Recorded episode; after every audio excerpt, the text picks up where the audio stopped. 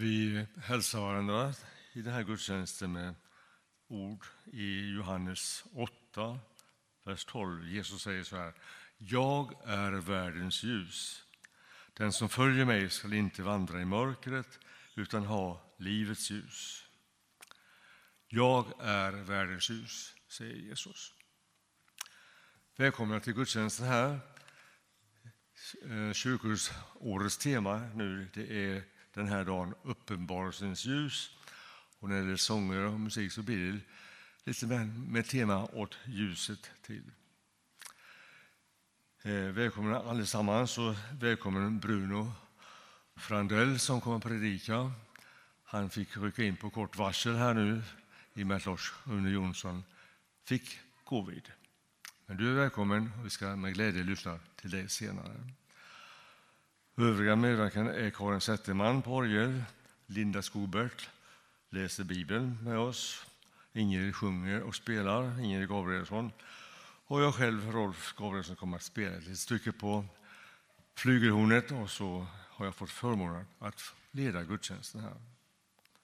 Ljud och bild, välkomna Thomas, Peter och Helene. Nu sjunger vi tillsammans Salmen nummer sju. Lova Herren, sol och månen. Nummer sju.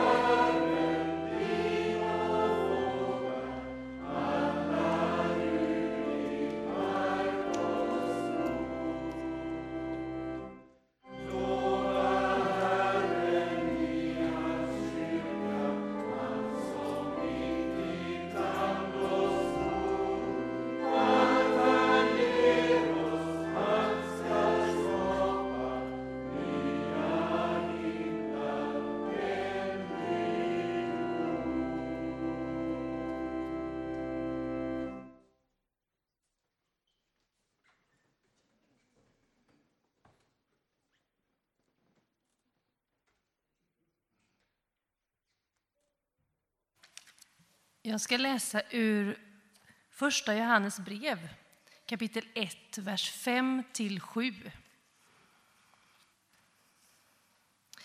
Och detta är det budskap som vi har hört av honom och förkunna för er, att Gud är ljus och att inget mörker finns i honom. Om vi säger att vi har gemenskap med honom men vandrar i mörkret ljuger vi och handlar inte efter sanningen.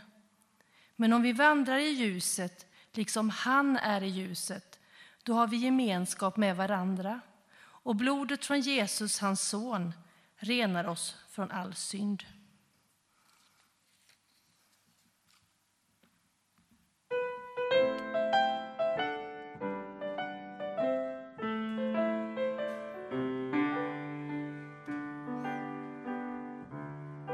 Tack min Gud Gud för att jag vaknar frisk och glad till en ny dag. Din är dagen, din är solen, din är jorden, din är jag. Din är dagen, din är solen, din är jorden, din är jag. Du är Gud och ska bestämma Tag mig, Herre, använd mig mina armar, händer, fötter, de kan säkert hjälpa dig. Mina armar, händer, fötter, de kan säkert hjälpa dig.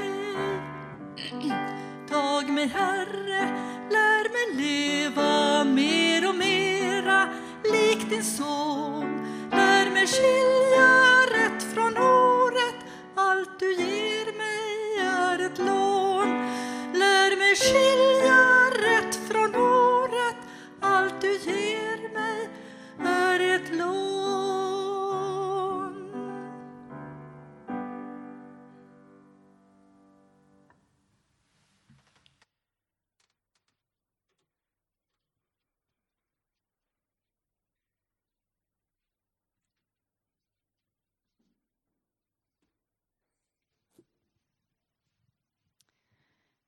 Så, då har ju jag med mig en väska här med lite saker.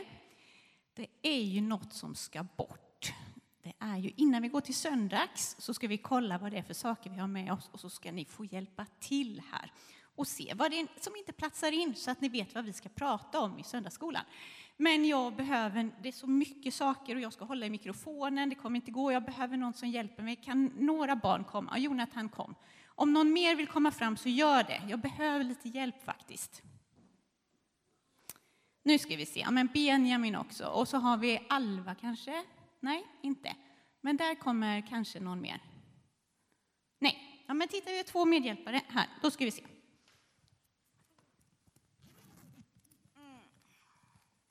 Eh, kan ni ta varsin sak här i? Och så berättar ni här vad ni håller i. Ni måste stå så att alla ser här. Här ska vi se. Jonathan, vad håller du? En orm, En orm. Benjamin, vad håller du? ett flammande eldsvärd typ. Tror jag. Ett flammande eldsvärd ska vi se här.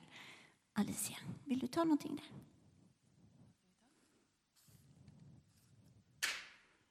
Vad är det för något? En båt. En båt. Och så får eh, mamma Maria hjälpa till. Du kanske kan ta den där, ja. Nej, ja, den. Jättebra. En kontroll. En kontroll. Och så är det en sak till. Ta upp den med. Vad är det? Ett äpple.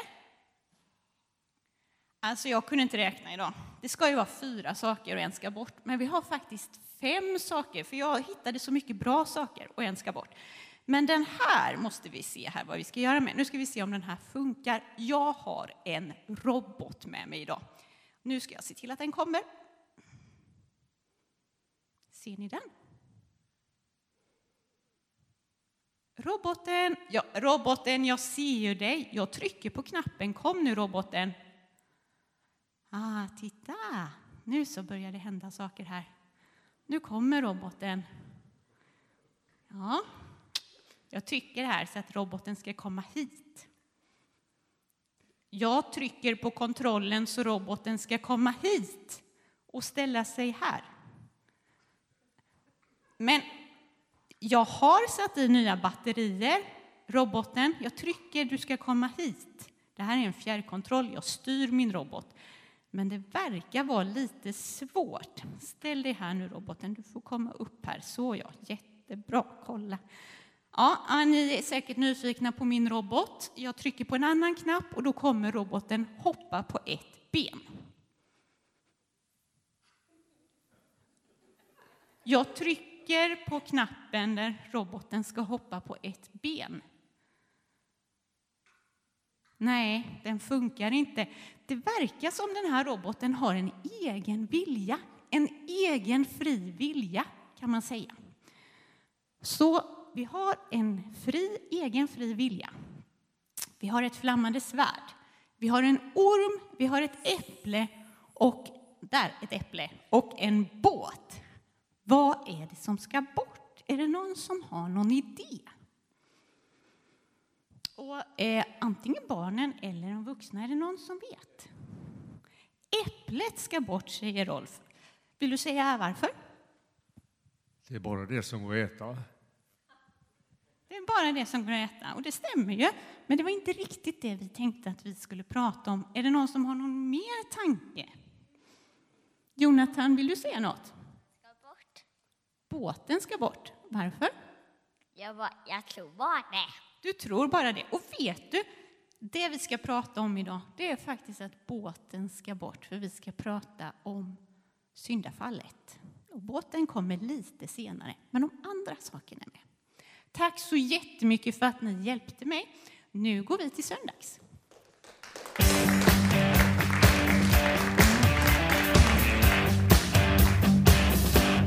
Nu är vi på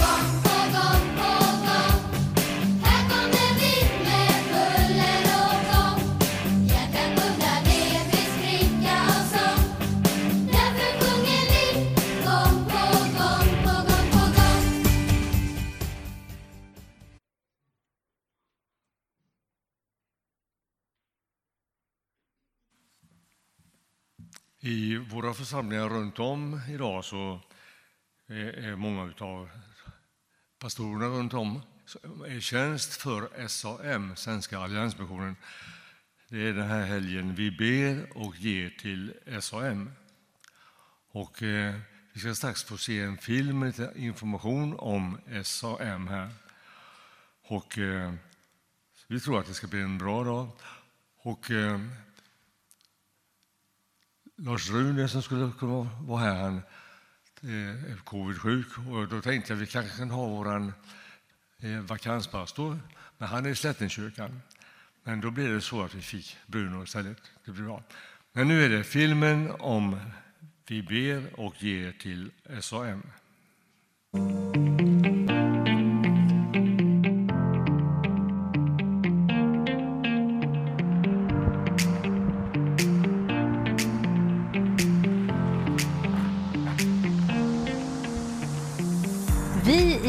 Fiskebäckskyrkan är en stödförsamling för arbetet i Rumänien där Andreas Samuelsson jobbar för att romer ska få en bättre situation.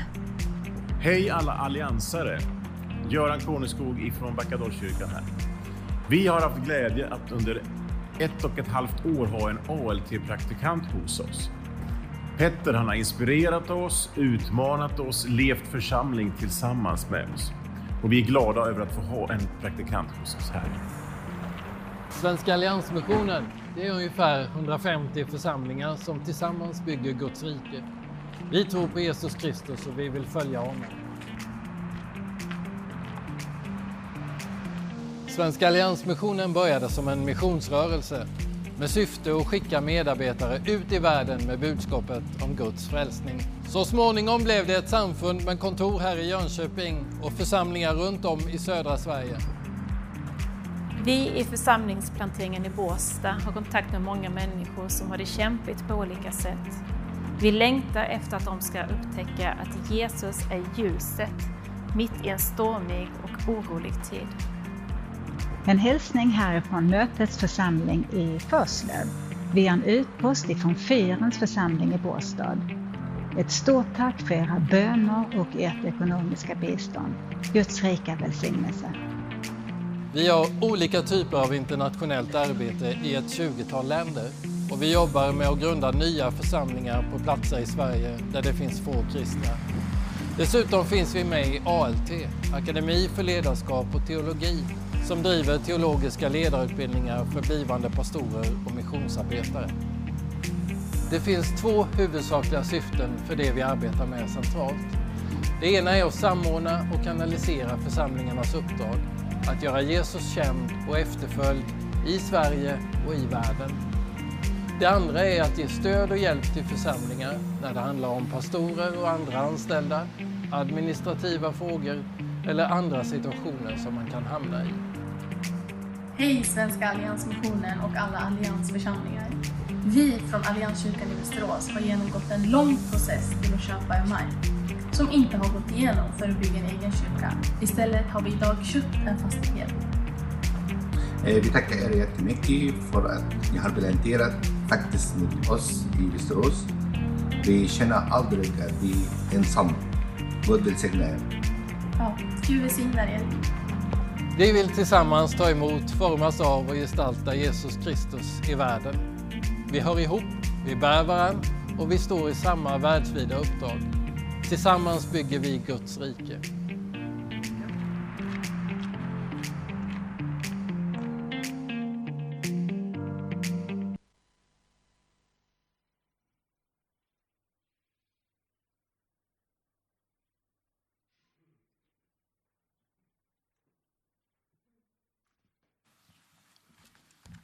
Vi får möjlighet att ge under tiden som vi sjunger salmen 37, Kristus är världens ljus. Och eh, det kommer att finnas swishnumret och ni swishar till församlingens swishkonto. Och då är det så att eh, ange på din talong på swishet vilken summa du ger till församlingen och vilken som du ger till SAM. Så går det den vägen finns också för möjlighet till kontanta medel ute i utgången sedan, två olika boxar. Och nu har vi förmånen att få be och vi får ge. Och eh, jag vill att vi ber för offret. Herre och Mästare, tack att vi får tillhöra en församling och tack att vi får tillhöra som församling SOM och Equmeniakyrkan. Herre, idag tänker vi särskilt på Alliansmissionen. Herre, du ser och du vet vad som man jobbar med där.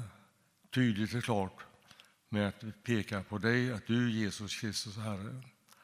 Herre, nu ber jag att du ska välsigna vår offergåva och tack att vi får ge med glädje. Amen. 37.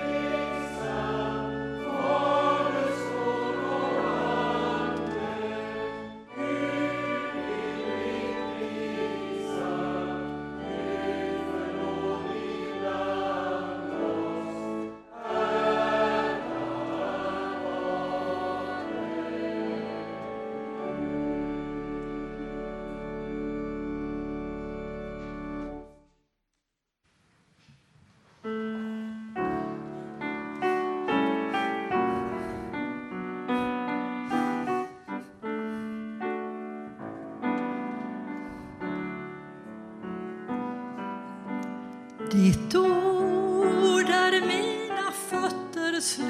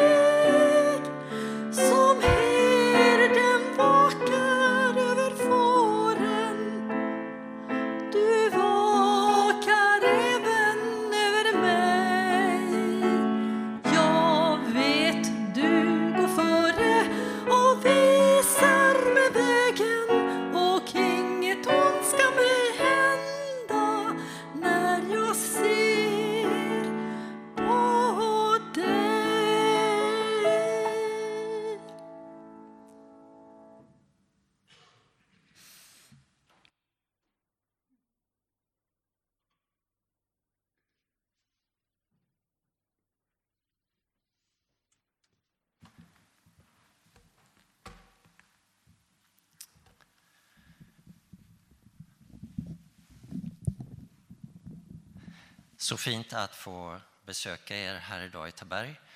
Och eh, eh, nu förstår jag att det finns flera söndagar då man är ute för B och ger för SM. Eh, jag ska till utanför Tranås i eh, slutet på månaden och jag vet inte varför det datumet blev så. Men eh, idag är det nog de flesta ute i alla fall, tror jag. Eh, men jag är tacksam och, och positiv och glad att få besöka er. Eh, och eh, temat är lysande, om man säger, om Jesus Kristus som är ljuset. Ja, denna våren som kommer så är det 50 år sedan som jag Eh, slutade på en ettårig bibelskola. Och när man eh, eh, funderar över tiden på det sättet, då känner man sig väldigt gammal. Men annars så känner jag mig inte så gammal. Men 50 år det är en lång tid. Det var året efter jag slutade gymnasiet. Och sen har tiden gått och det har handlat mycket om bibel och teologi för min del. Eh, men nu så vill jag gärna fokusera på en eh, text ifrån Efesierbrevet kapitel 1. Efesierbrevet kapitel 1.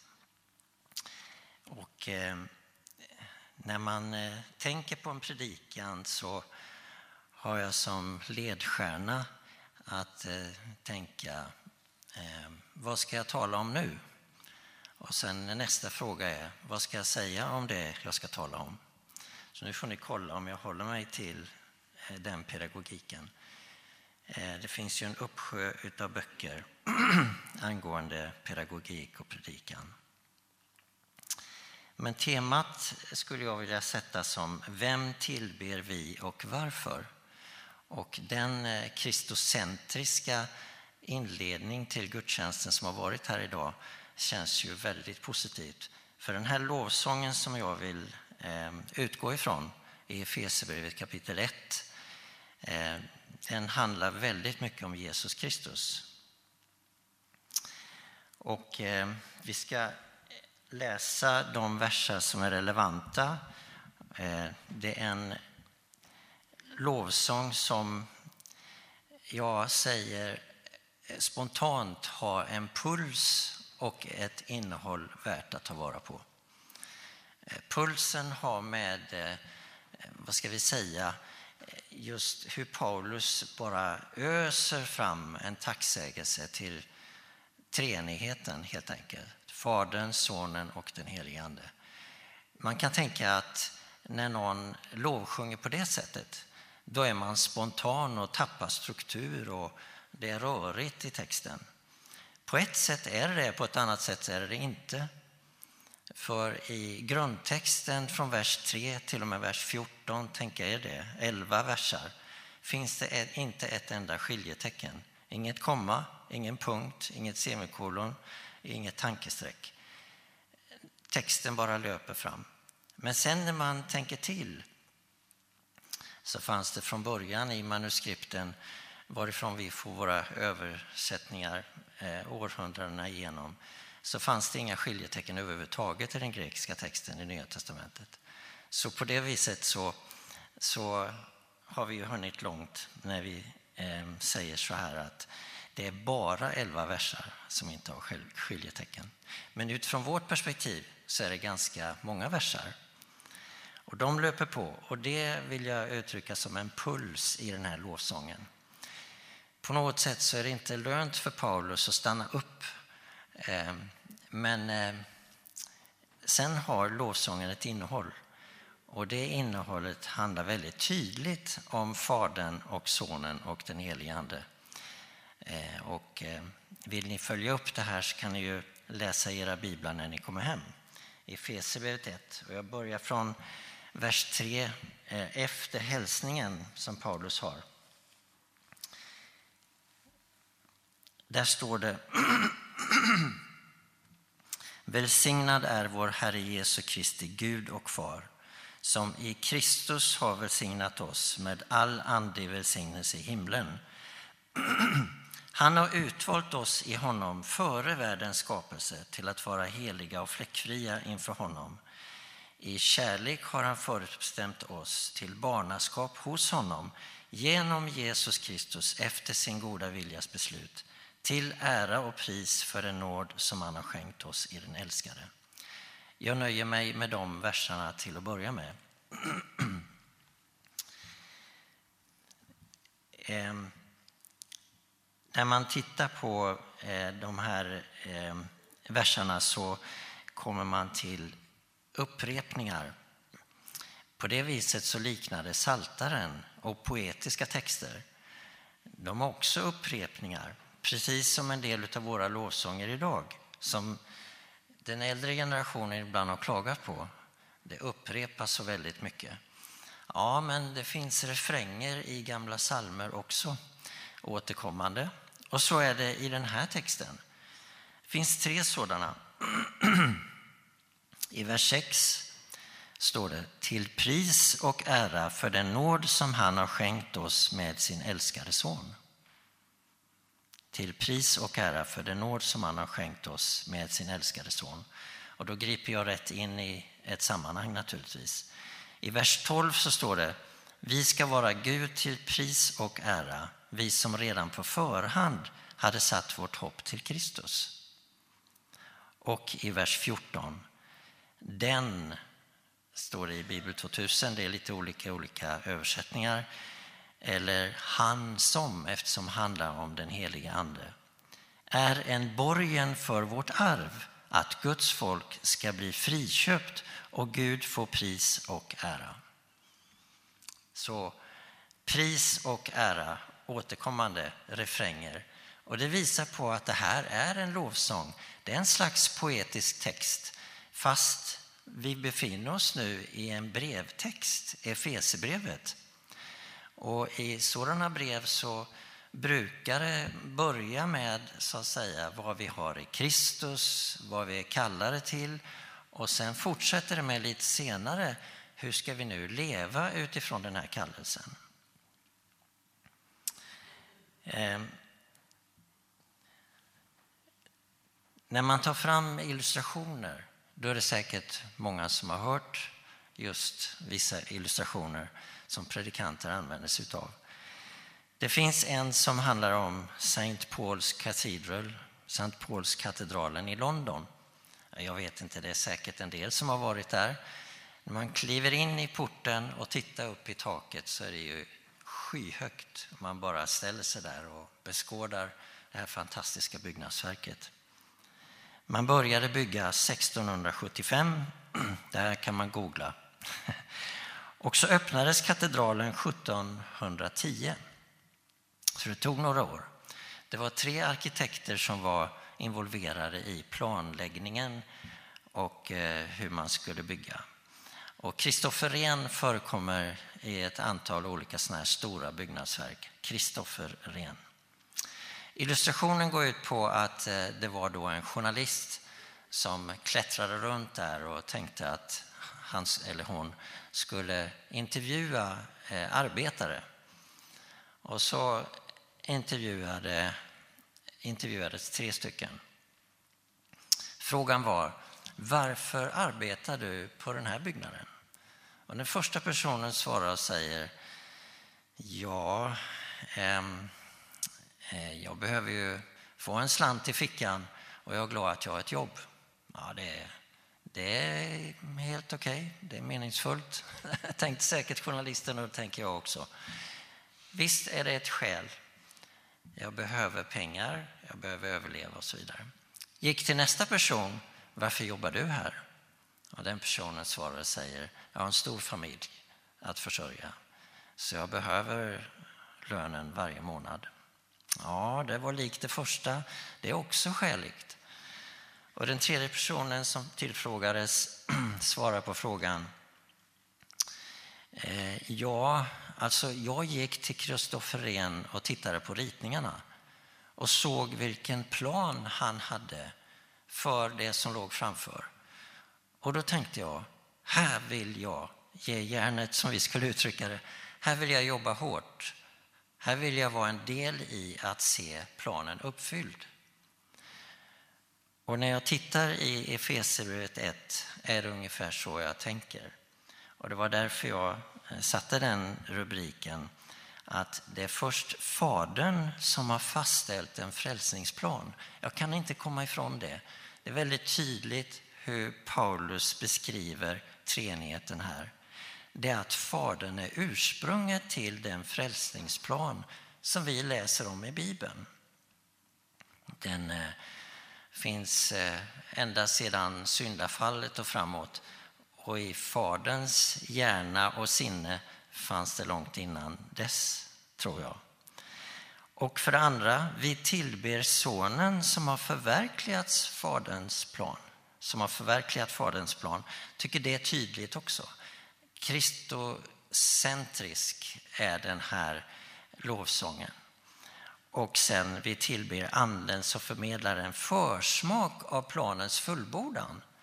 För i och med att Jesus uppstod så tog det inte slut. Utan vi har ju ett hopp, vi som Guds folk, om en framtid. Och eh, planen är inte fullbordad än. Och vi får läsa om det i skriften. Så Fadern fastställde, Sonen förverkligade och Anden förmedlade. Det låter lite formellt, men det hjälper mig att hålla koll på mig själv om inte annat. Så eh, Fadern som fastställde en frälsningsplan. Eh, om man går tillbaka lite utifrån brevet till Efesierna. För det är ju en grundregel. Vil, vil, var finns den här texten någonstans? Paulus skriver till Efesierna. Han skriver till dem kanske 10-15 år efter han hade besökt staden. För att få ännu bättre bild så kan vi väl anknyta till dem som har varit i västra Turkiet och västra Asien där och besökt Efesus och den, eh, eh vad ska vi säga, den fantastiska, alltså med tanke på hur länge sedan det är. Eh, vi var på en sån resa runt om i Turkiet utifrån Uppenbarelseboken och de sju sändebreven. Och då är det ju sju städer eller orter som man besöker. Efesos var den, eh, utan tvekan, den eh, gav det största intrycket. Man såg det här stora biblioteket som hade funnits gatan ner och man tänkte tillbaks till Paulus besök där och sen hur han skriver i fångenskap till Efesierna. Då har det kommit till en församling det här är en hednisk situation. Det fanns nog ingen synagoga där. Ibland kan vi undra, till exempel Filippi, när Paulus letar efter en synagoga, men han visste där att det fanns ingen i Filippi. Och det är på, vi läser om det här i den andra missionsresan. Så går han till eh, ett böneställe och där hittar han några personer. Bland annat Lydia, hon som kommer från Tyatira i västra Turkiet. Och hon sålde tyger och det fanns en parfym som doftade väldigt väl och var dyr. Och hon var en slags agent i Filippi från Tyatira. Och hon var troende. Men vi vet inte om hon var judinna eller om hon var en proselyt. Sådana här frågor, då får vi säga vi vet inte. Men vi vet inte eh, mer än att det blev ett upplopp i staden när Paulus kom till Efesos. Och jag jämförde bara med Filippi. Så vi vet väldigt lite ibland om vilka som fanns i en så kallad hednisk miljö. Här var det ju den här stora Efesernas Diana och hon var så att säga en stor gudinna vid den tiden. Och här fanns ett av de sju underverken. kan också förklara varför det finns så mycket kvar av Efesos som stad. I vart fall så skriver han i brevet till Efesierna detta. Och då måste han ju spä på sin förkunnelse som han har predikat tidigare. Och nu har det gått en, kanske 20 år. Eh, och eh, 30 år efter Jesu uppståndelse. Så att det är ju ingen lång period på ett sätt, men ändå att en församling bildas, tar fart och så skriver han ett brev. Och det kan dröja några år innan de får det brevet. Ibland skickar han Timoteus, så på det sättet har han kontakt. Och i det här brevet får vi läsa vad Paulus egentligen säger till dem. För de hade stora tankar innan de kom till tro om den här Diana. Men nu så förflyttar han de stora tankarna till Gud själv, den levande guden och talar om Fadern, om Sonen och den helige Ande. Om man tänker tillbaks till när Jesus talade om Fadern och om honom själv i förhållande till Fadern så blir det riktigt problematiskt utifrån att judarna tänkte sig att det var en monoteistisk tro som vi har. Det är en Gud. Och här kommer någon annan och likställer sig med Gud själv. Eh, då det gäller Efesierna så fanns det en stor tilltro till Diana och det blev ett hot mot den religionen. Men då Jesus en 20-30 år tidigare kommer till eh, judarna och lever där och finns till där, då blir det en kollision av en annan karaktär. Så det Paulus skriver här, en lovsång till Gud som far, det är väldigt radikalt. Men eh, det kanske var ännu mer radikalt när Jesus mötte judarna. Jag tänkte vi tittar på en sån text. Och eh, den har vi i Johannes 5. Och det handlar om den här mannen som har varit sjuk i 38 år. Länge. Betesda. Eh, flera har säkert varit i Israel och kom ihåg hur det såg ut där, vad vi tror är Betesda-dammen. Jag tror det inte var några stora tvivel på vilken damm det här var. Annars var det olika platser som är det det, men vi tror att det är det. Den här mannen låg där. Han är inte ner i tid. Vattnet kom i rörelse och där har det funnits lite legender kring varför det kom i rörelse. Men troligtvis var det någon underström som tog fart och då tänkte man att när vattnet kom i rörelse då fanns det helande krafter. Mannen möter Jesus när Jesus kommer dit och Jesus frågar vill du bli frisk? Och han säger jag vet inte hur jag ska komma ner i tid. Det är alltid någon som kommer före mig. Det intressanta är att Jesus säger bli frisk och så helar han honom och han behöver aldrig gå ner i vattnet. Eh, alltså beroende av tingens natur, Eh, men Jesus mötte honom där han var. Och en fråga jag har ställt mig ända sedan tonåren, det är ju hur kommer det sig att vi inte läser om fler som Jesus helade där? Och på något sätt har jag fått se storheten hos Gud i detta. Att han vet, han känner till. Men vad- vi får lära oss det är utifrån den här mannen. Det som följer är ju en verkligen en kollisionskurs. För Jesus finner honom sen på tempelplatsen. Och ni som har varit där ser det framför er, tempelplatsen, hur det såg ut. Mannen hade gått och berättat för judarna att det var Jesus som hade gjort honom frisk. Därför började judarna förfölja Jesus eftersom han gjorde sådant på sabbaten. Så det var två saker. Dels att han helade, att Jesus helade, men att det gjordes på sabbaten. Men Jesus sa till dem, min far, min far, säger Jesus. Och jag skäms öppet och ärligt över hur många texter jag läser och tar för givet det jag läser därför att de har jag läst sedan tonåren. Så många år. Och så kan man möta en nykristen som ställer helt nya och fräscha frågor.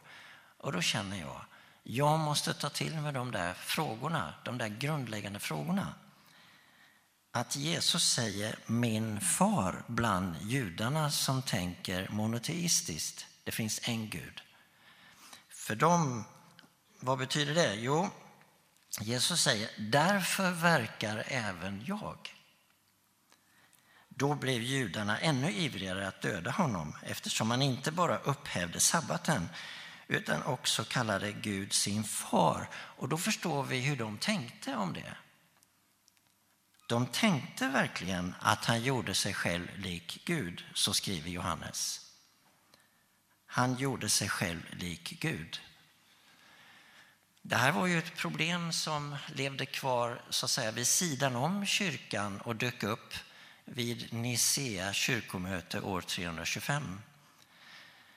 Som är egentligen en eh, slags liten föregångare till Russellianerna på 1800-talet och Jehovas vittnen idag. Det vill säga att eh, det finns bara en Gud och det går inte att tumma på. Arius var den som försökte att motverka utvecklingen i Nicea-mötet 325 som var egentligen planerat genom kejsar Konstantin på något sätt. Och vi vet inte riktigt varför, men det var ju vid det, det laget som kristendomen blev en statsreligion. Men just detta med att Arius försökte motverka just detta att eh, Jesus är Gud. För det var poängen med hela det mötet. Det var väldigt mycket röst, många röster och många strömningar i omlopp de första århundradena som det har varit sen genom tiderna. Så det, var inte, det är ju helt fantastiskt att tänka sig att kyrkan höll ihop och bekände sig till Kristus. Och vi ska bara inte nämna det här med gnosticismen som är en adress hos Paulus när han skriver Kolosserbrevet eller första Johannes. Men vi släpper det nu. Men just det här att Jesus gjorde sig själv lik Gud. Och då tänker jag så här. Hur kan det här bli radikalt för mig själv? Jag kan ju läsa om det som har hänt i de gamla texterna i den historiska berättelsen i Apostlagärningarna. Jag kan ju läsa om breven och innehållet. Men hur kan jag skakas om på nytt eller bli förundrad och leva i en fräsch tro och inte bara så att säga samla på mig fakta? Och rent intellektuellt tänka att så här var det.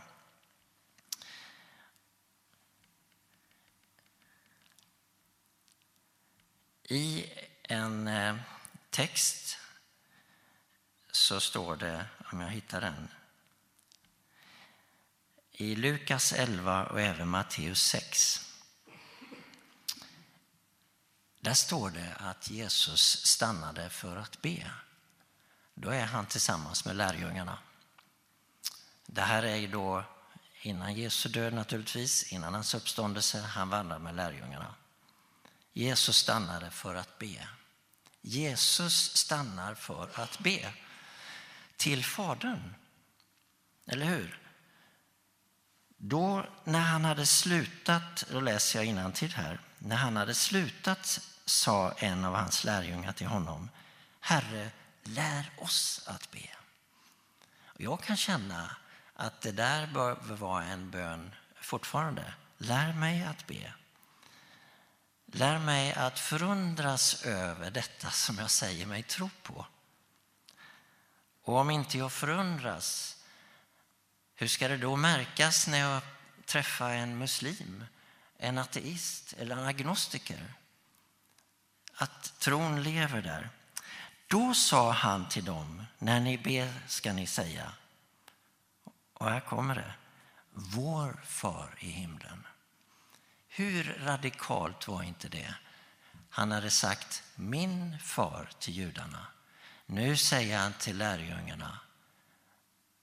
De flesta mycket obildade människor, om man säger vanligt folk, yrkesfiskare och så vidare, siloter, lite upprorsmakare, lite allt möjligt. Där så säger han, då ska ni be vår far. Ni får säga er far. Det här är ruskigt radikalt. Det är den bön som vi ber i samband med gudstjänster ofta. Vår far i himlen. Jesu far är deras far. Låt ditt namn bli helgat. Låt ditt rike komma. Låt din vilja ske på jorden som i himlen. Ge oss idag vårt dagliga bröd. Då ser vi två stråk. Det ena är att Gud är stor. Han är transcendent, som vi säger. Långt över det fysiska. Men han är också boende hos människan. Han är här. Han ser till vårt dagliga behov. Får vi be. Och låt din vilja ske på jorden som i himlen.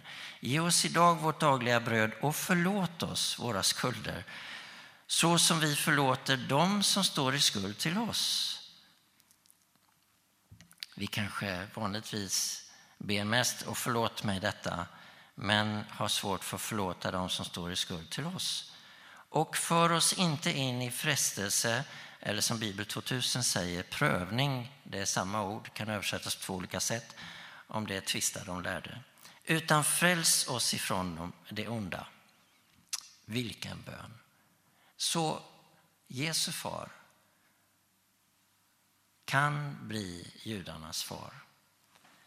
Judarna ifrågasätter Gud genom att han, de ifrågasätter Jesus.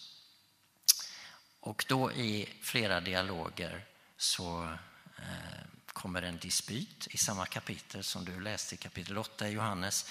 kommer en dispyt, en till. Då de går tillbaka till sina religiösa rötter.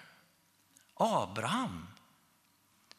Ja, men det är en av de abrahamitiska religionerna, judendomen. De går tillbaka till Abraham. Och då efter många om och men så säger Jesus Förrän Abraham fanns är jag. Jesus är evig.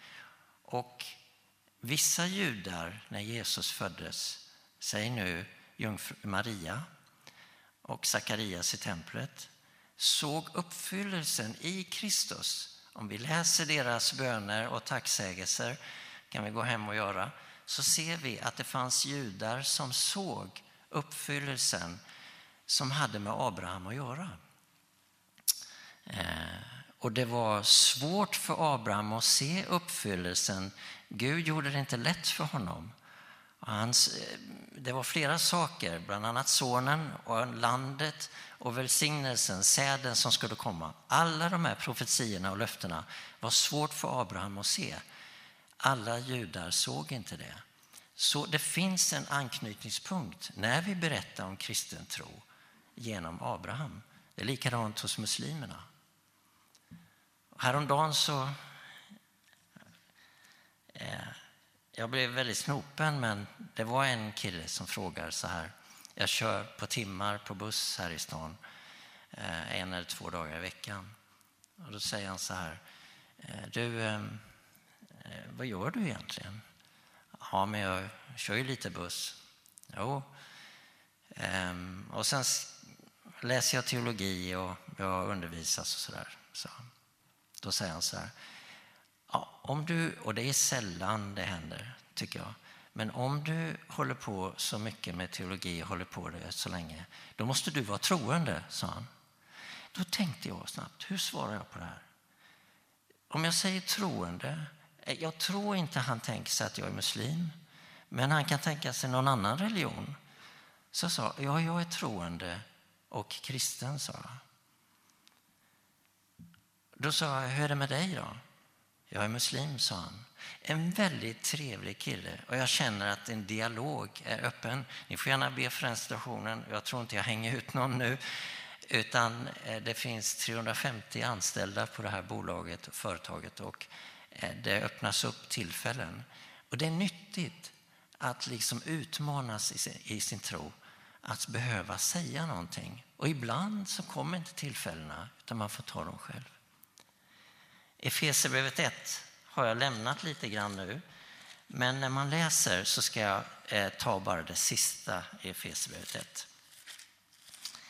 Eh, och då är det inte avsikten att hoppa över om den heliga Ande utan han ger oss en försmak på det som ska komma och det bara det är ett jättestort tema. Men mot slutet av Efesierbrevet 1 så ser vi att eh, Jesus Kristus är verkligen centrum. Och vi brukar säga det när vi läser den andra trosartikeln. Vi ser ju det. Jesus Kristus. I honom har vi friköpts Eh, genom korset, hans död och uppståndelse. Sen så kommer vi till eh, eh, Paulus bön. Eh, här lovsjunger han inte på det sättet med den genren utan här ber han på slutet i samma kapitel. Och då skriver han så här. Jag ber att vår Herre Jesu Kristi Gud, härlighetens far, igen, han knyter far. Vem är Jesus? Jo, härlighetens far. Att härlighetens far ska ge er vishetens och uppenbarelsens ande så att ni får rätt kunskap om honom. Jag ber att era hjärtans ögon ska få ljus så att ni förstår vilket hopp han har kallat er till hur rikt och härligt hans arv är bland de heliga och hur oerhört stor hans makt är i oss som tror därför att hans väldiga kraft har varit verksam. Jag vet inte avslutningsvis hur det är med oss alla, men för mig kan det vara så här. Jag kommer exakt ihåg som 15-åring när jag var sjuk en dag och jag var hemma och eh, då kom nyheterna på. Och då sa man, eh, nyhetsmannen att eh, Robert Kennedy har blivit skjuten. Att du knyter en information till en viss ställe. Um, Twin Towers, när flygplanen flög in i dem. Uh, jag vet exakt var jag var. Jag var på väg in i farstun, hade slutat jobbet för dagen. Då sa min fru, har du hört vad som har hänt? Nej. Eller eh, den här texten. När jag åkte den här bibelskolan som vi pratar om. Eh, den var i England och då skulle jag ta tåget ifrån Victoria Station i London upp, sju timmar upp tog det att åka tåg på den tiden, eh, till Lake District där bibelskolan låg. Jag läste i Hedegårds Nya Testamente, det kommer jag ihåg. Och jag satt och bara tänkte, nu läser jag bara här, får vi se. Och den här texten välsignade så väldigt mycket. Att man ibland sätter sig eller finns på olika ställen och så kommer man ihåg någonting som har hänt. Du kan tänka tillbaks, kanske när du kom till tro, kanske när du började ta din tro på riktigt allvar, Kanske när du blev utmanad, som vi alla har blivit. Kanske man har varit på en resa som vi får se arkeologiska fynd och koppla det till Nya Testamentet. Det är också en sånt för mig. Men eh, låt oss tacka Gud med den här lovsången. För Fadern, att vi får kalla honom för far. Och det kan vara svårt ibland och det ska man ha respekt för. Det kan ju kopplas till en uppväxt och till någonting som har varit besvärligt. Men på något sätt, i Jesu namn, kanske man får komma förbi det och börja Tack Gud, min far, för din son och allt det du har gjort. Tack käre gode helige Ande att du påminner mig om hoppet om att den här planen ska fullbordas en dag och att jag får vara med.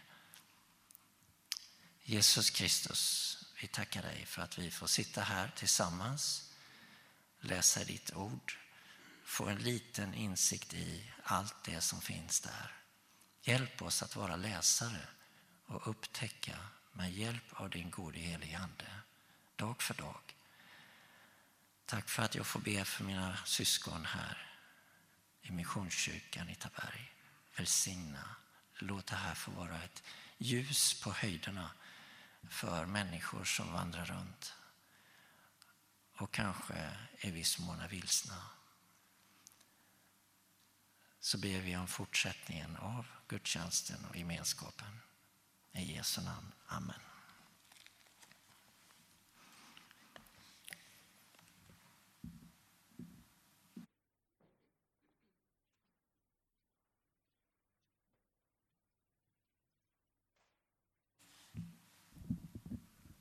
Vi, vi ska strax gå över i en stund av bön och förbön där vi får möjlighet att tända ljus.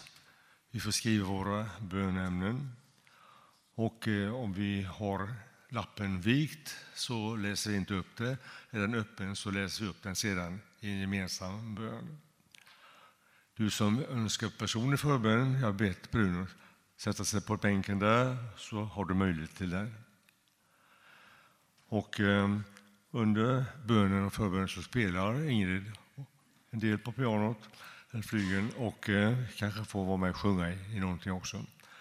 Men först, led milda ljus. Och vill ni ha en text under tiden jag spelar så är det nummer 275 i sångboken.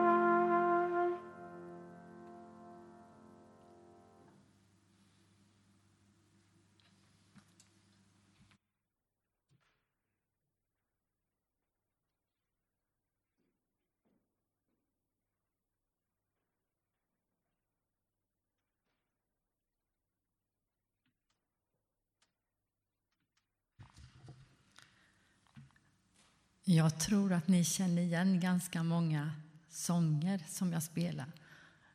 var med och sjung i dem. Det kommer inte att bli någon text på, vi har inte informerat dem. Men det ni kan, var med och sjung.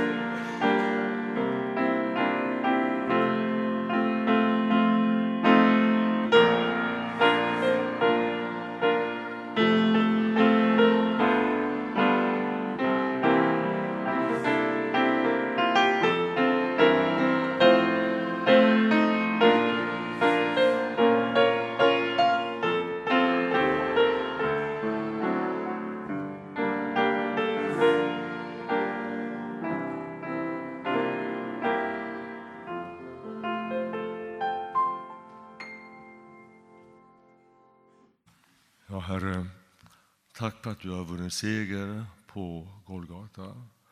Och det är det budskapet som vi vill representera, presentera, föra ut till människor som vi möter.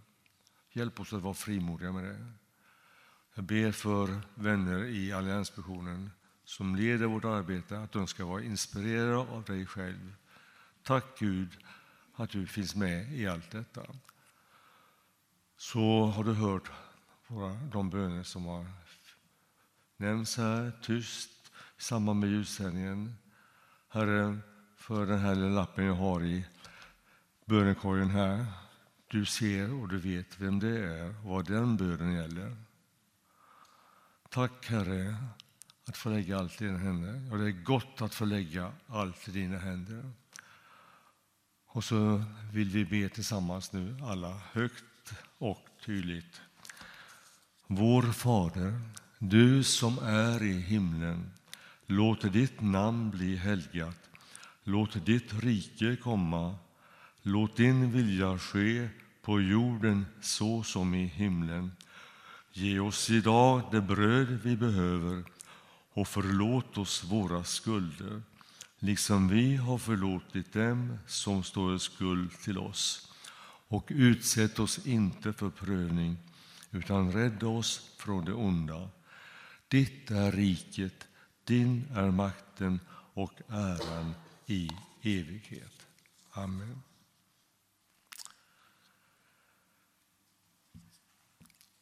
Pålysningar inför det som följer det har ni sett på skärmen som visades innan gudstjänsten. Och I övrigt så får vi hänvisa till församlingsbrev och till missionsbladet. Välkomna till kyrkan för sedan. Och nu sjunger vi efter att vi har bett välsignelsen 338. Men först. Herren välsignar oss och bevarar oss. Herren låter sitt ansikte lysa över oss och är oss nådig. Herren vänder sitt ansikte till oss och ger oss av sin frid. I Faderns och Sonens och den helige Andes namn.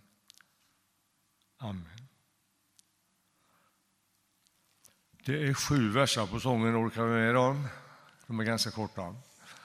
Vi sjunger och eh, så möts vi vid kyrkkaffet. Tack så mycket. Tack Bruno för det du har förmedlat idag.